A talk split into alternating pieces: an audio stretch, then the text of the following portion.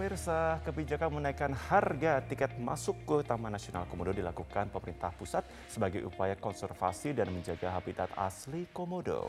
Namun masih ada lokasi wisata Komodo di Pulau Rinca yang harga tiketnya tidak naik. Pemprov Nusa Tenggara Timur akan gencar sosialisasi agar masyarakat bisa lebih paham. Nah, kenaikan harga tiket di Pulau Komodo dan Pulau Padar adalah kebijakan pemerintah pusat demi menjaga konservasi dan juga habitat asli Komodo. Kenaikan tarif masuk ke Pulau Komodo dan Padar sebesar Rp3.750.000. Gubernur NTT Victor Laiskodat mengatakan Pemprov NTT juga akan meningkatkan sosialisasi dan memberikan pemahaman bagi warga agar dapat memahami kebijakan baru soal tiket masuk tersebut.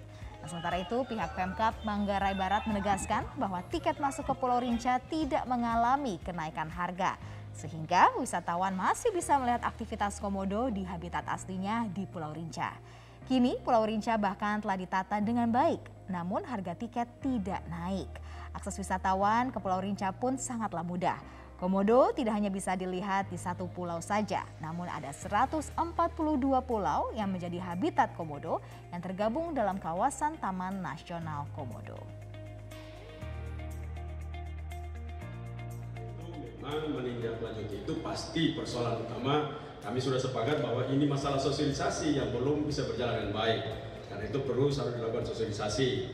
Yang kedua, kepada kelompok-kelompok yang tidak setuju tetapi mereka intimidasi dan ancaman akan melakukan kekerasan dan memberikan rasa takut terhadap wisatawan, kami Forkompinda, saya sebagai gubernur dan seluruh Forkompinda akan mengambil langkah tegas kepada mereka-mereka yang mengambil langkah-langkah seperti itu.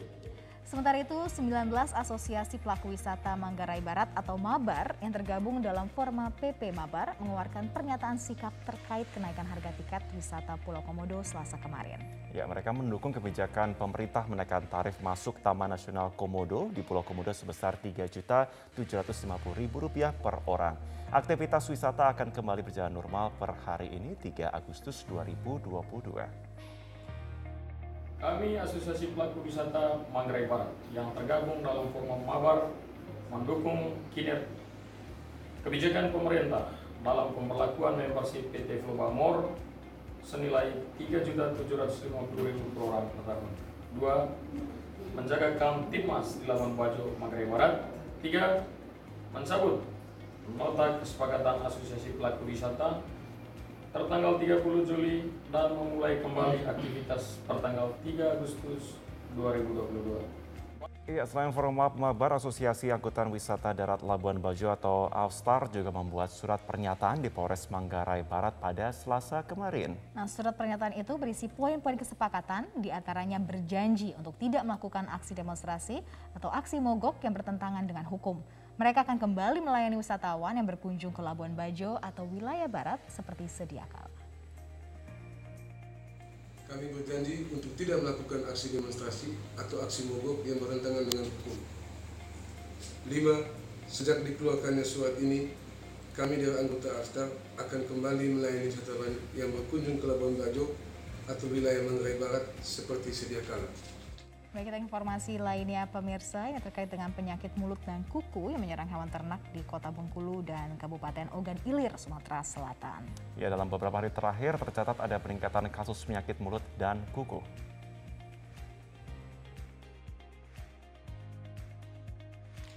Kasus penyakit mulut dan kuku yang menyerang hewan ternak di Kota Bengkulu, Provinsi Bengkulu saat ini terus bertambah hingga mencapai 56 kasus dalam tempo dua pekan terakhir. Untuk mencegah terus bertambahnya jumlah kasus penyakit mulut dan kuku di Kota Bengkulu, Dinas Pangan dan Pertanian setempat akan mempercepat suntik vaksinasi penyakit mulut dan kuku dosis kedua kepada ribuan hewan ternak di Kota Bengkulu. Di Provinsi Bengkulu yang terpapar penyakit mulut dan kuku telah mencapai 56 kasus yang tersebar di 9 kecamatan dan 67 kelurahan di Kota Bengkulu. Dinas Pangan dan Pertanian Kota Bengkulu telah berupaya melakukan pencegahan agar hewan ternak di Kota Bengkulu tidak terpapar penyakit mulut dan kuku dengan melakukan suntik vaksinasi dosis pertama kepada 800 ekor sapi dan kerbau serta kambing yang ada di Kota Bengkulu. Namun masih terbatasnya jumlah vaksin membuat hewan ternak belum bisa divaksin secara keseluruhan. Dari seluruh hewan yang positif penyakit mulut dan kuku, sudah ada 9 ekor yang dinyatakan sembuh. Dinas Pangan dan Pertanian juga bekerja sama dengan Polres dan Kodim Bengkulu untuk memperketat keluar masuknya hewan ternak ke Bengkulu. Sementara itu, dari 10.000 hewan ternak sapi di Ogan Ilir, Sumatera Selatan, diduga 2.000 ekor sapi terjangkit penyakit mulut dan kuku. Dokter hewan yang bertugas di Dinas Ketahanan Pangan dan Peternakan Ogan Ilir menginformasikan di 16 kecamatan yang ada di Kabupaten Ogan Ilir, jumlah terbanyak kasus penyakit mulut dan kuku ada di Kecamatan Sungai Pingan dan Kecamatan Tanjung Taja. Hampir seluruh desa di Kecamatan Tanjung Taja serta desa di Kecamatan Sungai Pinang, hewan ternaknya terjangkit penyakit mulut dan kuku. Untuk mencegah penularan yang lebih luas, Dinas Ketahanan Pangan dan Peternakan mendapat bantuan vaksin 1000 dosis. Pemberian vaksin akan diprioritaskan bagi desa-desa atau kecamatan yang terancam atau berada di dekat dengan wilayah yang terdapat kasus penyakit mulut dan kuku. Pemirsa, untuk Polda Sumsel ini sukses membongkar mafia sindikat pembuatan sertifikat tanah palsu. Dan dalam kasus ini pelaku mengaku sebagai pegawai BPN yang memanfaatkan program Presiden Pembagian Sertifikat Tanah Gratis atau PTSL. Seorang mantan kades desa Rimba Jaya bernama Effendi Koyen beserta Yudi Sandra, warga Palembang, hanya mampu tertunduk lesu saat digelandang tim khusus mafia tanah di Reskrimum Polda Sumsel. Dari tangan kedua tersangka, polisi menyita barang bukti 19 surat SHM palsu untuk program PTSL, 16 surat pengakuan hak palsu, serta alat untuk mencetak sertifikat tanah palsu. Menurut Direktur Reserse Kriminal Umum Polda Sumsel, Kombes Pol Anwar Rekso Wijoyo, mereka mempunyai modus mendatangi para petani yang ingin membuat sertifikat tanah dari program PTSL dan SPH melalui mantan kades tersebut. Mirisnya, usai menyerahkan sertifikat palsu tersebut, para pelaku meminta korban untuk membakar sertifikat pengakuan hak milik petani yang asli. Pihak kepolisian masih terus melakukan pengembangan terhadap para tersangka, apakah ada jaringan mafia sindikat pemalsu sertifikat tanah lainnya atau tidak dalam kasus ini.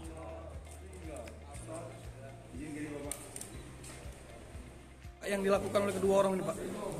Uh, mereka mengambil data dari Google bentuk-bentuk uh, eh, SAM itu semua kemudian dirapikan dan dicetak.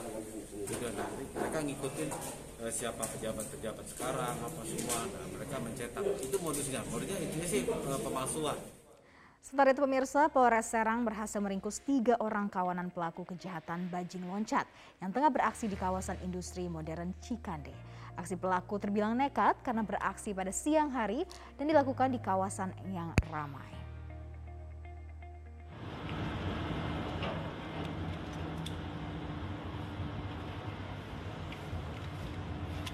Pemirsa ketiga pelaku bajing loncat berhasil saat menjalankan aksinya mengambil potongan limbah besi di kawasan modern Cikande.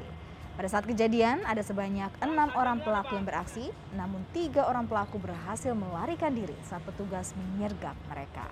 Aksi mereka terbilang sangat nekat karena dilakukan di siang bolong dan dilakukan di kawasan yang ramai. Dan menjalankan aksinya, para pelaku menggunakan dua unit sepeda motor dan para pelaku kemudian memepet kendaraan truk pengangkut limbah besi dari belakang bak mobil saat mobil sedang melaju perlahan. Dari tangan pelaku, polisi berhasil menyita barang bukti berupa senjata tajam, potongan limbah besi, dan juga sepeda motor yang digunakan para pelaku. Saat ini polisi masih memburu tiga pelaku yang masih buron. Sementara itu pemirsa, Gubernur Jawa Barat Ridwan Kamil meminta pihak kepolisian untuk menindak tegas kasus dikuburnya paket sembako bantuan presiden jika terbukti tidak sesuai prosedur. Pemerintah Provinsi Jawa Barat turut menelusuri kasus dikuburnya paket sembako bantuan presiden di Kelurahan Pita Jaya, Kecamatan Sukma Jaya, Kota Depok. Gubernur Jawa Barat Ridwan Kamil meminta pihak kepolisian untuk mengusut tuntas kasus ini. Ridwan Kamil meminta pihak kepolisian menindak tegas pelaku jika pemusnahan paket sembako tersebut tidak sesuai prosedur. Namun, jika pemusnahan paket bantuan sembako tersebut sudah sesuai prosedur, maka kasus ini bisa ditutup. Sebelumnya, warga kota Depok dikejutkan dengan penemuan sekitar satu ton paket bantuan sosial dari Presiden dikubur di sebuah lahan kosong.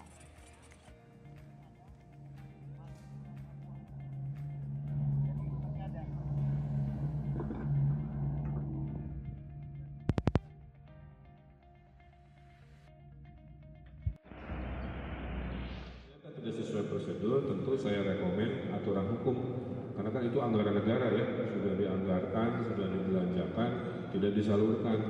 Nah itu saya minta diteliti, apakah barangnya rusak dari awal, atau rusak di perjalanan, atau dirusakkan, kita tidak tahu. Bahwa kalau sudah rusak harus dimusnahkan, saya kira ya masa dikonsumsi kan. Tapi pertanyaan saya kan tadi, rusaknya di mana? Di awal, di tengah, apa di akhir? Nah itu kalau bisa tetap prosedur hukum